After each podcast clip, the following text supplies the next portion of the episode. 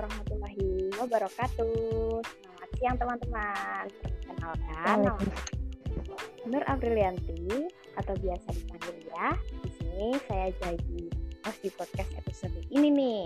Nah, tentunya saya sendiri itu tuh nggak sendirian di sini, pasti ditemenin sama seorang nih, ada bintang tamu kita.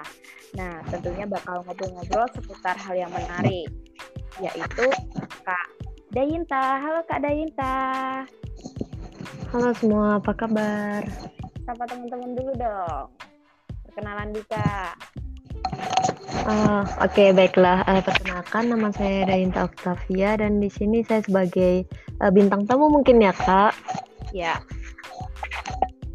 Nah, di episode kali ini, Kak Dayinta tuh sama aku bakal ngobrol-ngobrol tentang penyalahgunaan alkohol di kalangan remaja nih, Kak. Nah, Kak Dayunta ini banyak banget loh pengetahuannya tentang alkohol dari pengetahuan tentang dampaknya, akibatnya, dan lain-lain. Kak Dayunta ini ahlinya pokoknya. Kita langsung ke topik mengenai alkohol aja ya. Oke. Okay. Oke teman-teman semua, hampir setiap hari kita mendengar dan melihat peristiwa tragis orang-orang mengkonsumsi alkohol. Banyak tuh kan berita di mana-mana tentang mengkonsumsi alkohol, kayak dampaknya, terus kayak uh, dia apa namanya meninggal karena alkohol gitu kan banyak. Nah di sini uh, kita bakal bahas tentang perilaku mengkonsumsi alkohol di masyarakat dan malah zaman sekarang ini tuh minum alkohol itu jadi hal yang suatu kewajiban ya buat sekelompok orang atau segerombol orang untuk mengekspresikan suatu momen atau merayakan suatu momen nih. Misal nih ya kayak ulang tahun teman, pasti kayak ada alkohol, terus perpisahan ganti tahun gitu. Terus juga ada alkohol, terus kayak syukuran pun tuh ada loh teman-teman yang kayak dia uh, nyediain alkohol gitu. Pesta miras ini tanpa mereka sadari itu meninggalkan korban jiwa bagi para pelaku. Oke. Sekarang aku mau tanya nih sama Kak Dewinta ya, tanya-tanya. Boleh, boleh. Nah, Kak, sebenarnya pengertian alkohol itu gimana sih? Biar teman-teman tahu nih, kasih tahu kita dong. Hmm, oke oke, aku kasih tahu nih ya. Sebelumnya emang sudah sedikit dipaparkan tadi terkait dengan alkohol ya. Uh, untuk alkohol sendiri nih, alkohol itu adalah merupakan neurotoksik yang di mana uh, itu dapat mempengaruhi mempengaruhi otak dengan cara yang kompleks melalui paparan yang lama dan uh, putus alkohol itu berulang, uh, di mana alkohol ini juga mengakibatkan morbiditas dan mortalitas yang signifikan. Nah, nah ini tuh uh, bisa menyebabkan gangguan psikiatri yang banyak terjadi pada penyalahgunaan zat di antaranya yaitu gangguan psikotosi, psikotik seperti itu. Oke, oke baik kak. Nah terus nih kak, penyalahgunaan alkohol itu gimana sih kak definisinya? Kita tuh kan masih kayak uh, apa ya masih kayak simpang siur nih tentang penyalahgunaan alkohol gitu. Uh, Oke, okay, untuk masuk ke penyalahgunaan alkohol ini ya, uh, penyalahgunaan alkohol ini uh, merupakan orang yang meminum secara berlebihan, misalnya sehari itu meminum lebih dari tiga sloki kecil, uh, di mana orang tersebut bisa dikatakan sebagai overdosis uh, pengkonsumsi alkohol seperti itu ya. Nah, ini tuh nanti menyebabkan kesehatan menjadi terganggunya atau menimbulkan masalah sosial seperti itu. Uh, tapi kan uh, kadang mereka itu tidak tergantung pada alkohol atau belum kehilangan kendali sepenuhnya terhadap penggunaan alkohol itu.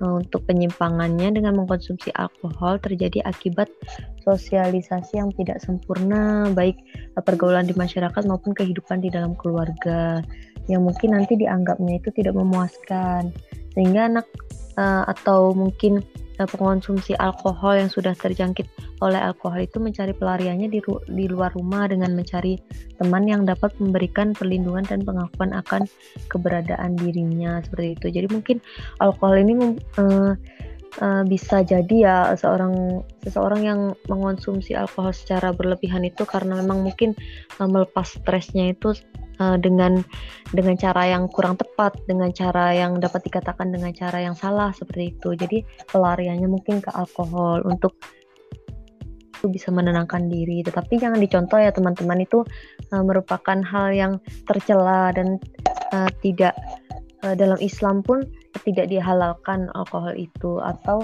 bisa disebut juga uh, haram seperti itu jika dikonsumsi. Oke, baik. Sangat ini ya, sangat detail sekali ya Kak Dayinta menjelaskannya teman-teman. Oke, uh, lanjut nih ya Kak. Jadi uh, kalau kita konsumsi alkohol kan ada efek sosialnya juga kan ya Kak. Nah, terus nih Kak, orang yang ketergantungan itu tuh biasanya karena apa sih Kak?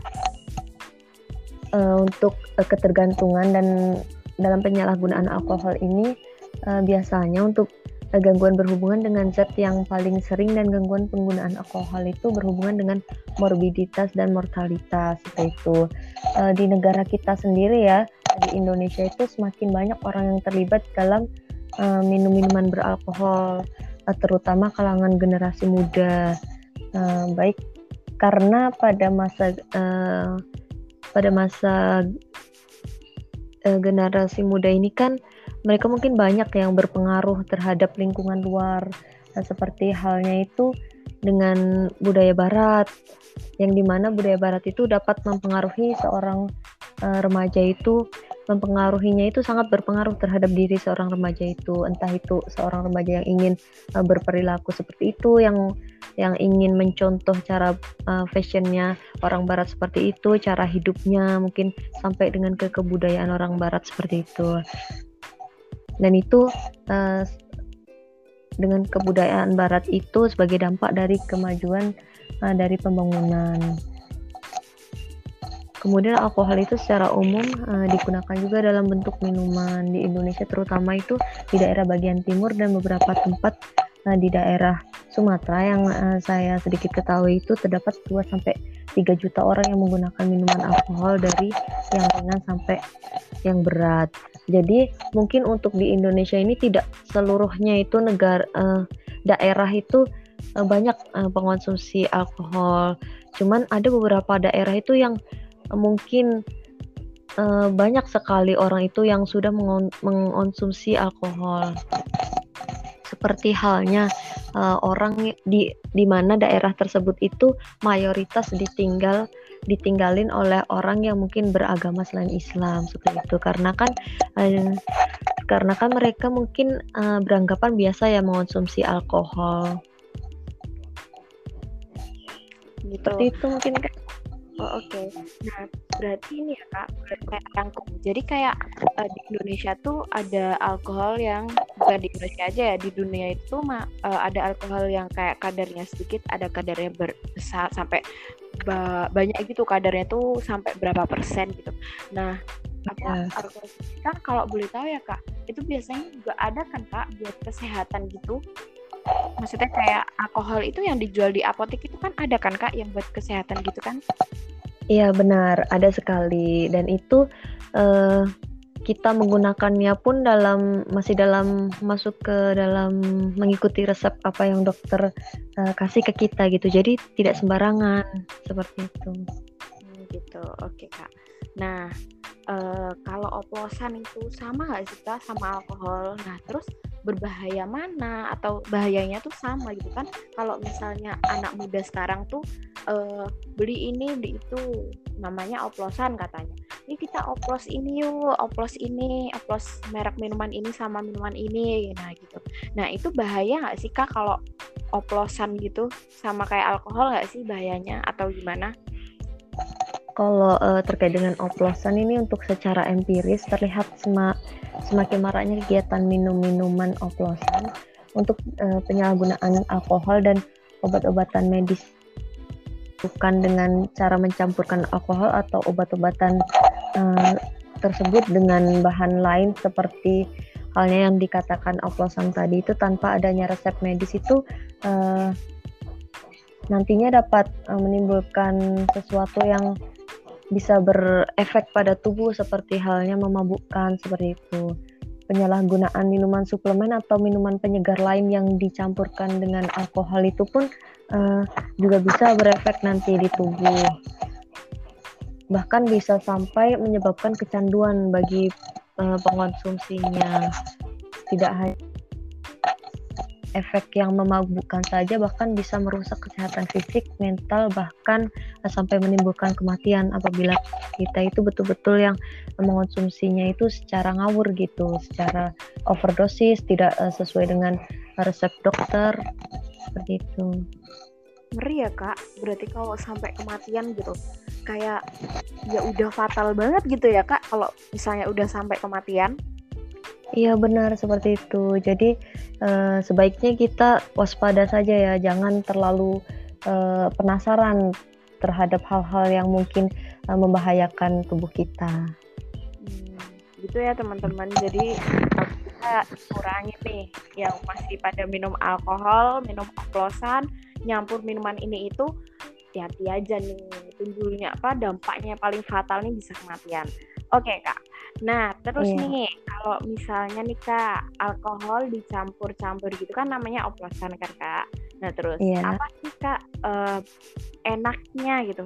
Kok bisa oplosan ini tuh enak gitu katanya nih? Katanya orang-orang yang oplosan gitu kan, Iya. Yeah. gitu. Kenapa gitu kak bisa enak nih? Hmm, kayak gitu minuman keras oplosan ini kan adalah minuman keras yang beralkohol ya mungkin bisa dibilang untuk uh, masuk ke dalam jenis vodka atau anggur merah beralkohol, anggur putih beralkohol atau bir. Itu uh, juga pasti dicampur dengan bahan lainnya. Untuk minuman alkohol oplos ini kan uh, seperti arak yang dicampurkan dengan Sprite seperti itu atau jadi dengan cola, ciu dengan arak atau alkohol dengan Grandsen Ciu dengan Grandstand dan mungkin masih banyak lagi ya yang hal-hal yang uh, bisa dioplos gitu yang mungkin berbagai campuran dioplos. Tapi dalam pengoplosan minuman ini tentunya sangat ber, berbahaya karena memang terkandung beberapa hal yang uh, terdapat kandungannya itu di dalam minuman oplosan. Itu bisa mengakibatkan kerusakan syaraf uh, dan juga organ dalam miras oplosan ini memang sangat berbahaya tuh bagi tubuh karena dia mengandung metanol dan spiritus. Kemudian untuk bahan nanti dapat berubah itu menjadi asam format yang kemudian menyerang retina retina serta saraf mata dan nanti akan berdampak juga pada tubuh yaitu contohnya eh, seperti kebutaan. Jadi padahal ini ya kak, oh ya oke. Okay. Berarti ini ya kak, apa namanya uh, bahan-bahan yang bisa dioplos tuh malah dijual bebas gitu ya di supermarket. Maksudnya anak kecil pun bisa menemukan itu gitu di supermarket, ya kan kak? Iya, kadang juga memang ada ada toko-toko itu yang kadang bersembunyi dalam penjualannya, tetapi dalam uh, mempromosikan barangnya itu sudah marah gitu. Jadi seorang itu orang itu juga udah tahu gitu di mana letak tempat belinya gitu-gitu. Nah, tuh teman-teman. Nah, berarti campuran-campuran itu tuh malah dijual bebas gitu di pasaran ya, teman-teman. Bahkan adik itu bisa beli adik kalian yang masih TK pun bisa tahu gitu. Ini Sprite, iya. ini apa. Oh, Oke. Okay. Nah, Oke, okay minuman-minuman beralkohol uh, sebagian orang itu kan merupakan bukti kejantanan dan kemodernan dalam pergaulan nih. Ironisnya, minuman ini tuh tidak hanya dikonsumsi oleh orang dewasa, akan tetapi kaum remaja juga sudah mulai mencoba-coba nih teman-teman untuk mencicipi. Nah, remaja dengan segala problematika dalam hidupnya itu sangatlah rentan terhadap pengaruh alkohol maupun obat-obatan terlarang.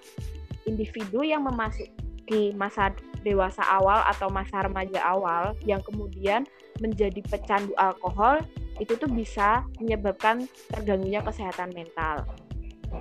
Masa remaja itu merupakan masa di mana seseorang individu mengalami, mengalami peralihan dari satu tahap ke tahap berikutnya dan mengalami perubahan baik emosional, tubuh, minat, pola perilaku, dan juga penuh dengan masalah-masalah. Jadi kayak uh, remaja ini baru kayak dapat problematika hidupnya baru awal-awal apa mendapatkan masalah dalam hidupnya terus kayak mereka mungkin mencoba untuk mencicipi alkohol ya nanti akhirnya ketagihan.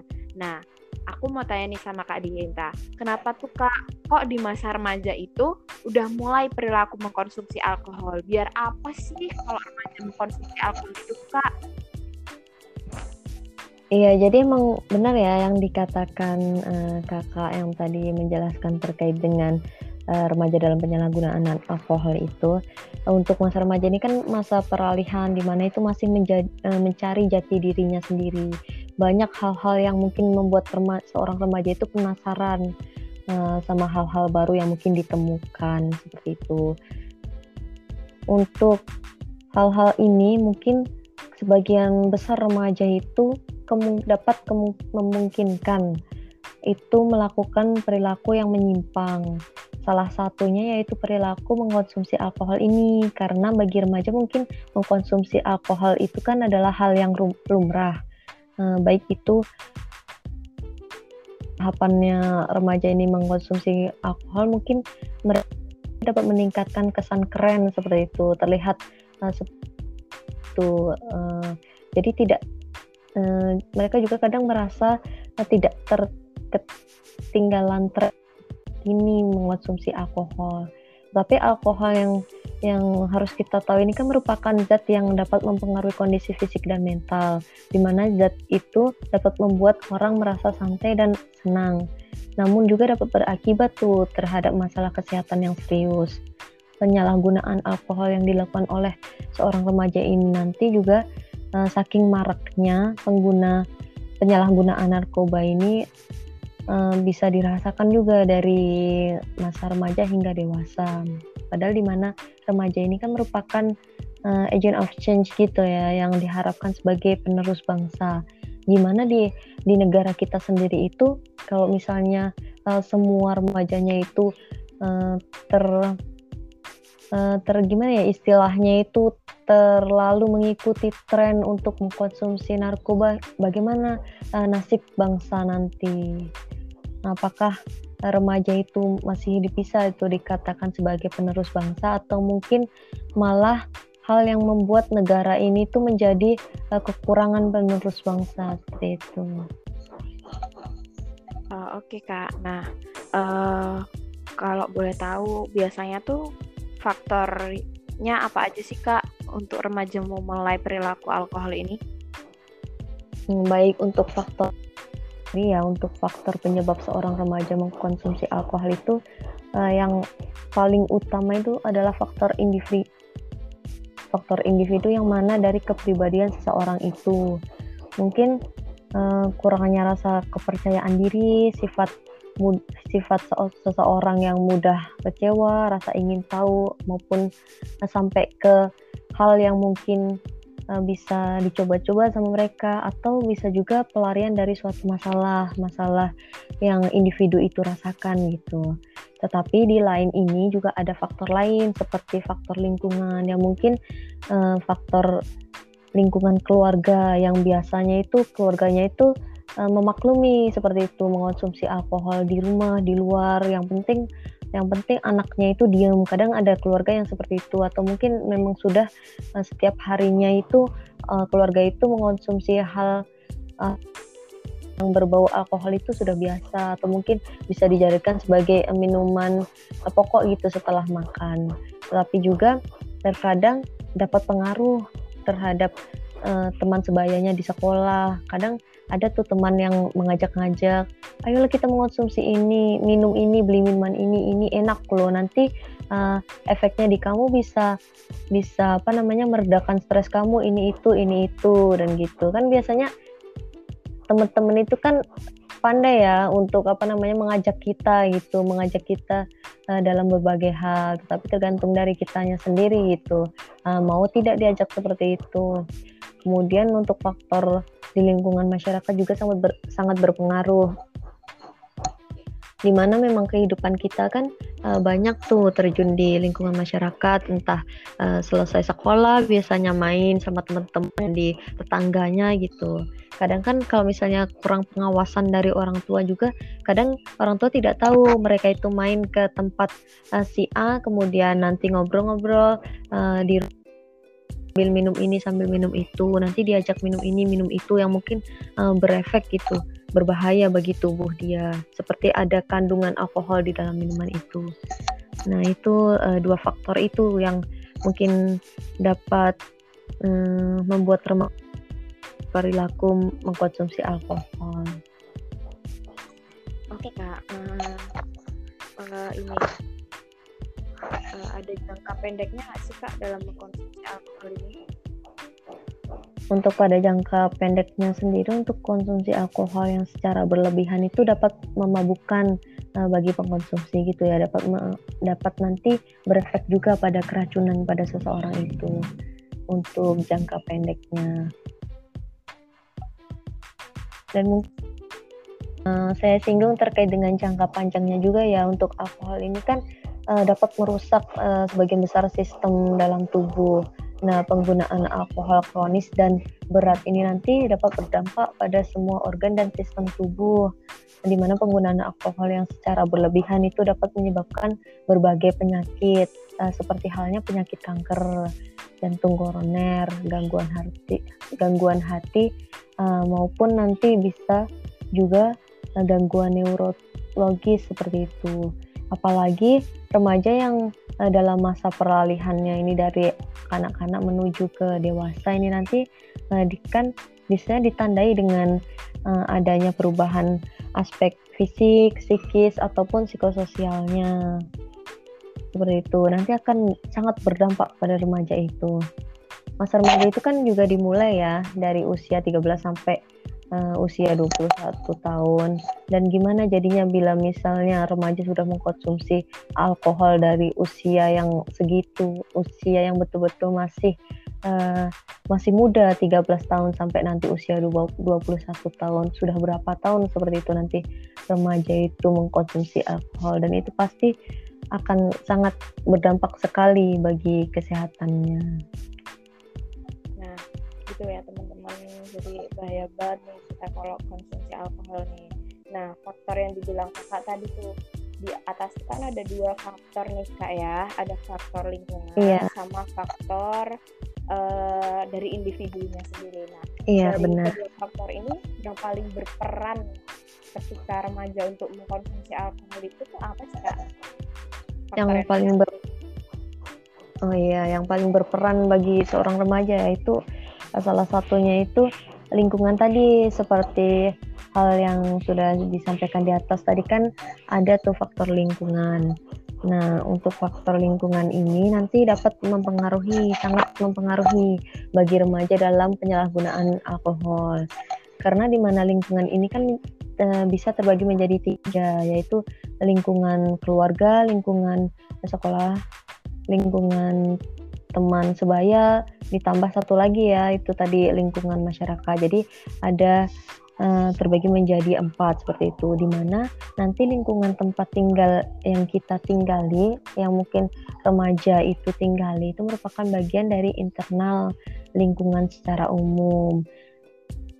Dengan tempat tinggal itu nanti terdapat faktor yang mempengaruhi seperti halnya mudah diperoleh minuman beralkohol ataupun kurang kepedulian orang terdekat atau masyarakat. Kemudian kurang ketegasan antara uh, terhadap kurangnya ketegasan aparat pemerintah seperti itu. Terus kurang adanya penyuluhan tentang penyalahgunaan uh, minuman beralkohol di lingkungan tersebut. Seperti itu. Jadi memang untuk lingkungan ya, lingkungan yang adalah faktor utama gitu yang bisa mempengaruhi seorang remaja dalam mengonsumsi alkohol. Seperti itu kak. Oke, terima kasih kak. Nah teman-teman, dalam konsumsi alkohol itu kan sangat berbahaya nih remaja. Di kalangan remaja itu masih masalah serius buat bakal jadi masa yang akan datang Nah, minum alkohol ini tuh berdampaknya tuh banyak banget dan besar banget buat kesehatan teman-teman dan sosial di masyarakat. Nah, angka kematian remaja akibat penyalahgunaan alkohol, penggunaan alkohol ini tuh besar loh teman-teman. Udah ada 775 ribu jiwa dengan kasus terbanyak yang dialami oleh remaja di bawah 25 tahun. Nah, jadi kalau dari kalian yang masih di bawah 25 tahun atau bahkan 25 tahun ke atas ya kalau bisa seumur hidup nggak usah coba-coba lah minum alkohol ya karena dampaknya tuh gede banget besar banget gitu loh teman-teman. Nah ini aku mau tanya nih sama kakak apa saja sih kak yang menjadi akibat seseorang itu mengkonsumsi alkohol? Hmm, akibat dari seseorang itu mengkonsumsi alkohol seperti itu ya kak? Iya gitu kak pasti uh, dari gangguan psikot uh, psikotiknya akibat dari penyalahgunaan gangguan yang uh, ditandai adanya halusinasi yang menonjol atau uh, akibat efek dari alkohol itu. Untuk gejalanya sendiri, untuk gejala psikotik itu uh, biasanya terjadi uh, selama atau bulan setelah keadaan intoksikasi alkohol fokus alkohol dan uh, pasien yang mengkonsumsi alkohol ini nanti memiliki kesadaran dan orientasi yang baik. Uh, tetapi tilikan diri terganggu bahwa gejala yang muncul akibat dari alkohol itu, di mana uh, halusinasi yang paling sering nanti adalah auditorik. Nah, biasanya berupa suara-suara seperti uh, sering kali tidak terstruktur seperti itu. Suara ini nanti bisa uh, dalam memfitnah gitu, mencela dan atau bahkan mengancam. Uh, walaupun beberapa pasien ini dilaporkan uh, bahwa suara itu ada menyenangkan dan tidak mengganggu, tetapi halusinasi ini kan biasanya uh, selama kurang dari satu waktu satu minggu uh, ataupun walaupun selama satu minggu seperti itu ya waktunya itu nanti didapatkan uh, nilai yang realistisnya itu adalah sering. Jadi nah, di mana orang yang memiliki membuat suara-suara itu uh, masuknya ke dalam uh, keseringan gitu kesering, keseringan berhalusinasi. Di mana sebagian besar juga pasien menyadari sifat halusi halusinasinya nanti itu adalah gejala. Nah, selain itu berdampak pada fisik juga tuh kalau mengonsumsi alkohol. nah, orang yang mengonsumsi alkohol ini nanti akan berdampak pada psikologis seorang yang uh, mengonsumsi alkohol, minum alkohol seperti itu. Hmm, oke gitu ya teman-teman. Jadi kesimpulan itu uh, yang lebih berjelasan sama Kak Dayanta itu menarik banget ya teman-teman jadi di sini kita bisa banyak nih pengetahuan tentang alkohol, bagaimana akibatnya, lalu faktornya apa saja menyebabkan orang memulai alkohol itu apa aja gitu. Nah, aku simpulin uh, alkohol adalah alkohol itu adalah neurotoksik yang mempengaruhi otak dengan cara yang kompleks melalui paparan yang lama dan putus alkohol berulang mengakibatkan morbiditas dan mortalitas yang signifikan. Penggunaan alkohol itu mengoplos mencampurkan minuman alkohol dengan bahan yang berbahaya. Meskipun ada penggunaan alkohol yang tidak mengoplos minumannya agar cita rasa uh, agar cita rasanya itu enak. Nah, banyak pengguna alkohol yang juga mengoplos nih teman-teman biar apa namanya cita rasa itu enak Terus uh, faktor penyebab se seorang remaja mengkonsumsi alkohol itu tuh ada dua faktor individu sama faktor uh, lingkungan. Kalau yang individu itu kan dari kayak rasa kurang percaya diri, mudah kecewa. Terus kalau yang dari faktor lingkungan itu dari keluarga maupun teman sebaya. Nah, jadi itu ya teman-teman tadi kesimpulannya yang sudah dijelasin sama Kak Dayinta sekali lagi terima kasih banyak. Ada Ika sudah meluangkan waktu buat hadir buat ngobrol santai sama aku tentunya di podcast ini. Dan kita juga yeah. jadi tahu banyak. Ya jadi tahu itu apa aja. Dan terima kasih juga buat teman-teman yang udah dengerin podcast episode kali ini dari awal hingga akhir. Terus uh, semoga kita bisa pelajaran bagi kita semua dan menjadi wawasan yang lebih luas untuk kita semua ya teman-teman. Iya. juga bisa memotivasi teman-teman nih dalam untuk sadar dampaknya alkohol itu kayak apa dan sangat besar gitu loh dampaknya atau agent of change itu tadi. Nah, sampai di sini ya bincang-bincang santai kita. Sampai jumpa teman-teman di podcast selanjutnya. Bye. Ah!